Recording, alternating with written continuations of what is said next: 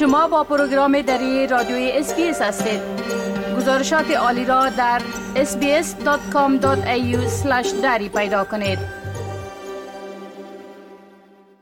حال با جاوید روستاپور خبرنگار برنامه دری رادیوی SBS برای جنوب آسیا. از طریق تلفن به تماس هستیم که اونا درباره تازه ترین رویدادها در ارتباط به افغانستان معلومات میتن آقای روستاپور سلام عرض می کنم خب اولتر از همه اگر درباره واکنش های اخیر که در ارتباط به دیدار یا بر ضد دیدار حیات های امریکا با طالبان در قطر ابراز شده لطفا معلومات بتین. گفتم میشه که در کابل زنها بعضی عکس ها را هم در ارتباط آتش زدن. بله؟ با سلام وقت شما بخیر آقایش که برای همان گونه که شما اشاره کردین. پس از اینکه گفتگوهای نمایندگان آمریکا با طالبان در قطر صورت گرفت و رینا امیری نماینده ویژه آمریکا برای زنان و حقوق بشر که از طرف امریکا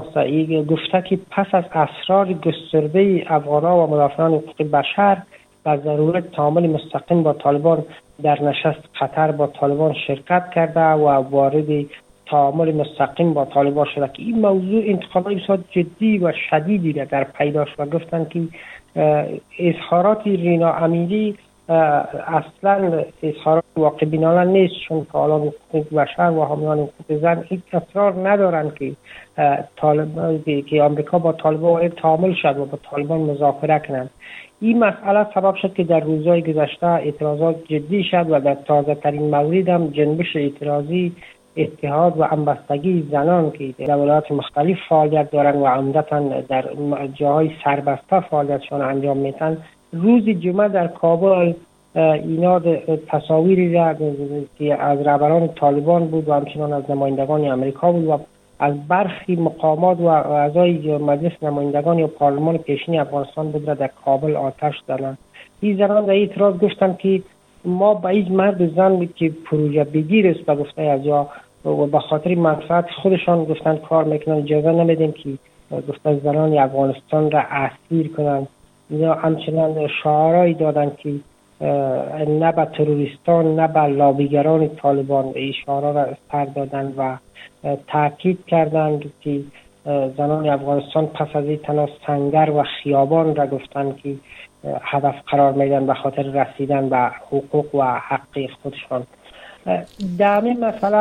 همچنان در ادامه اینا یک نامه نوشتن به عنوانی وزارت خارجه امریکا و خواهان وضاحت در مورد اعلامیه وزارت خارجه امریکا شدن که اعلامیه وزارت خارجه امریکا پس از دیدارشان در قطر اینا گفته بودند که در رابطه با تامین حقوق زنان و همچنان موارد دیگه که خواستن با طالبا وارد تعاملشان و اینا گفتن وضاحت بده وزارت خارجه امریکا. و تاکیدشان این بوده که اینا خواهان ایجاد یک حکومتی همشمول و حمایت از مردم افغانستان بودن. ولی آمریکا برعکس مانند نشست دوها و مذاکره دوها که بالاخره طالبا را به قدرت نشان بار دیگه با طالبا گفته وارد تعامل شده و این نشان میده که برای امریکا و جامعه جهانی اصلا اهداف خودش مهم است حقوق زنان و وضعیت زنانی که در افغانستان به گفته اینا گروگان طالبان هستند. بله. خب گزارش شده که طالبا به آزار و اذیت فرق اسماعیلیه در بدخشان پرداختن بله. بله دقیقا در یک ویدیویی که در شبکه های اجتماعی دست به دست میشه از دو روز به این سو و واکنش های بسیار جدی را این مسئله در پی داشتن. این ویدیو در این ویدیو دیده می‌شد که یک تن از باشندگان ولسوالی اشکاشمی ولایت بدخشان که پیروی مذهب اسماعیلی است در طالبا با خود به این مسجد میارن و با این فرد را بالای فرد کلمه شهادت را می‌خوانند که ملای طالبایی را می‌خواند و او فرد تکرار می‌کنه و بعد در پایان ویدیو دیده میشه که جماعت جمعیت طالبا که در اینجا حضور دارن اینا نره تدبیر و اکبر میگن و گفت می‌گویند که این فرد را یا مسلمان کردن همچنین گزارش های وجود دارد از منابع محلی از منطقه به برخی رسانه ها گفتند که طالبان در این اواخر سبب آزار اذیت پیروان فرقه اسماعیلیه شدند و دوازده جماعت خانه را در چندین روستا که جماعت خانه مربوط فرقه اسماعیلی هستند اینا را به مسجد تبدیل کردن و از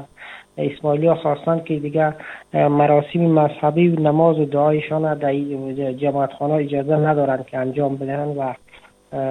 این جماعت خانه دیگه مسجد هستند که اهل سنت می‌خوان که باید از اینا استفاده کنند همچنان اینا یک مدرسه دینی در ولسوالی ایجاد کردن که بیش از 100 پسر و 80 دختر را که عمدتا از افرادی وابسته به پیروان اسماعیلی هستند به نوع تعدید و به زور اینا جمعوری کردن و اینجا برای درس میدن که بیشتر موضوع درسشان منابع گفتن که مسئله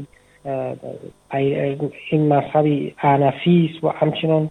بحث اسلام و جنگ و جهاد این موارد است. این موضوع هرچند بنیاد آخر هم در کابل تایید کرده که یک فرد چیز شده به علی سنی شده یعنی از مذهب برگشته. ولی آنچه جالب است و واکنش برانگیز شده. ای است که طالبان بالای یک فرد مسلمان دوباره کلمه شهادت را خواندن. در حالی که کلمه شهادت بالای کسی خوانده نشه که مربوطی دیگه ادیان باشه و به دین اسلام وابسته شه یا بگره ولی این موضوع همچنان در شبکه های اجتماعی بدجوب تبدیل شده و بخشی از سیاسیون هم در این مورد اظهار نظر کردن و گفتن که طالبان می‌خوان که با این کارشان بافتی مذهبی که در گذشته در افغانستان یک مسئله نداشته ای را برهم بزنن و این مسئله در آینده به خطر جدی تبدیل خواهد شد. چون چند روز پیش هم اینا در کابل در مراسم آشورا مداخله کردن که این موضوع واکنش هم داشت. بله خب گفتم میشه که موین وزارت اطلاعات و کلتور صحبت برای جوانا در با میان کده که این مورد انتقاد قرار گرفته. اگر در این باره لطفا با اختصار معلومات بتین. محمد یونس راشد مین وزارت اطلاعات و فرهنگ طالبا که در یک سفر به بامیان رفته بود. با شماری از جوانان در این ولایت گفته که افغانستان به زبان و ادبیات و به ویژه با زبان ادبیات در این نیاز ندارد و لازم نیست که پس از این جوان ادبیات بیاموزند. او گفته که تدریس زبان و ادبیات در کوانتونا یک موضوع بی اهمیت است و جوانان باید رشته را بیاموزند که از طریق این رشته ها بتوانند ابزار پیشرفته جنگی تهیه کنند و تا زمینه جهاد را مساعد بسازن و بتوانند در مقابل کفار در باشه یا در جهاد کنند این موضوع واکنش بسیار جدی را برانگیخته. یعنی بس ها پیام و نظر در شبکه اجتماعی نشده و عمدتا گفتن بیشتر کاربران گفتن کسی که ادبیات فرهنگ نداره جامعه و کشوری که ادبیات فرهنگ نداره این جامعه نه گذشته داره و نمی‌توان و آینده از او امیدوار بود و این مسئله نشان میده که طالبان اصلا هیچ فهمی از این در یک جامعه و کشور چی باید بکنن ندارن و این موضوع نشان میده که طالبان هیچ ظرفیتی برای ایجاد دولت و آینده و ساختن یک جامعه مرفع ندارن. خب بسیار تشکر از این معلوماتتان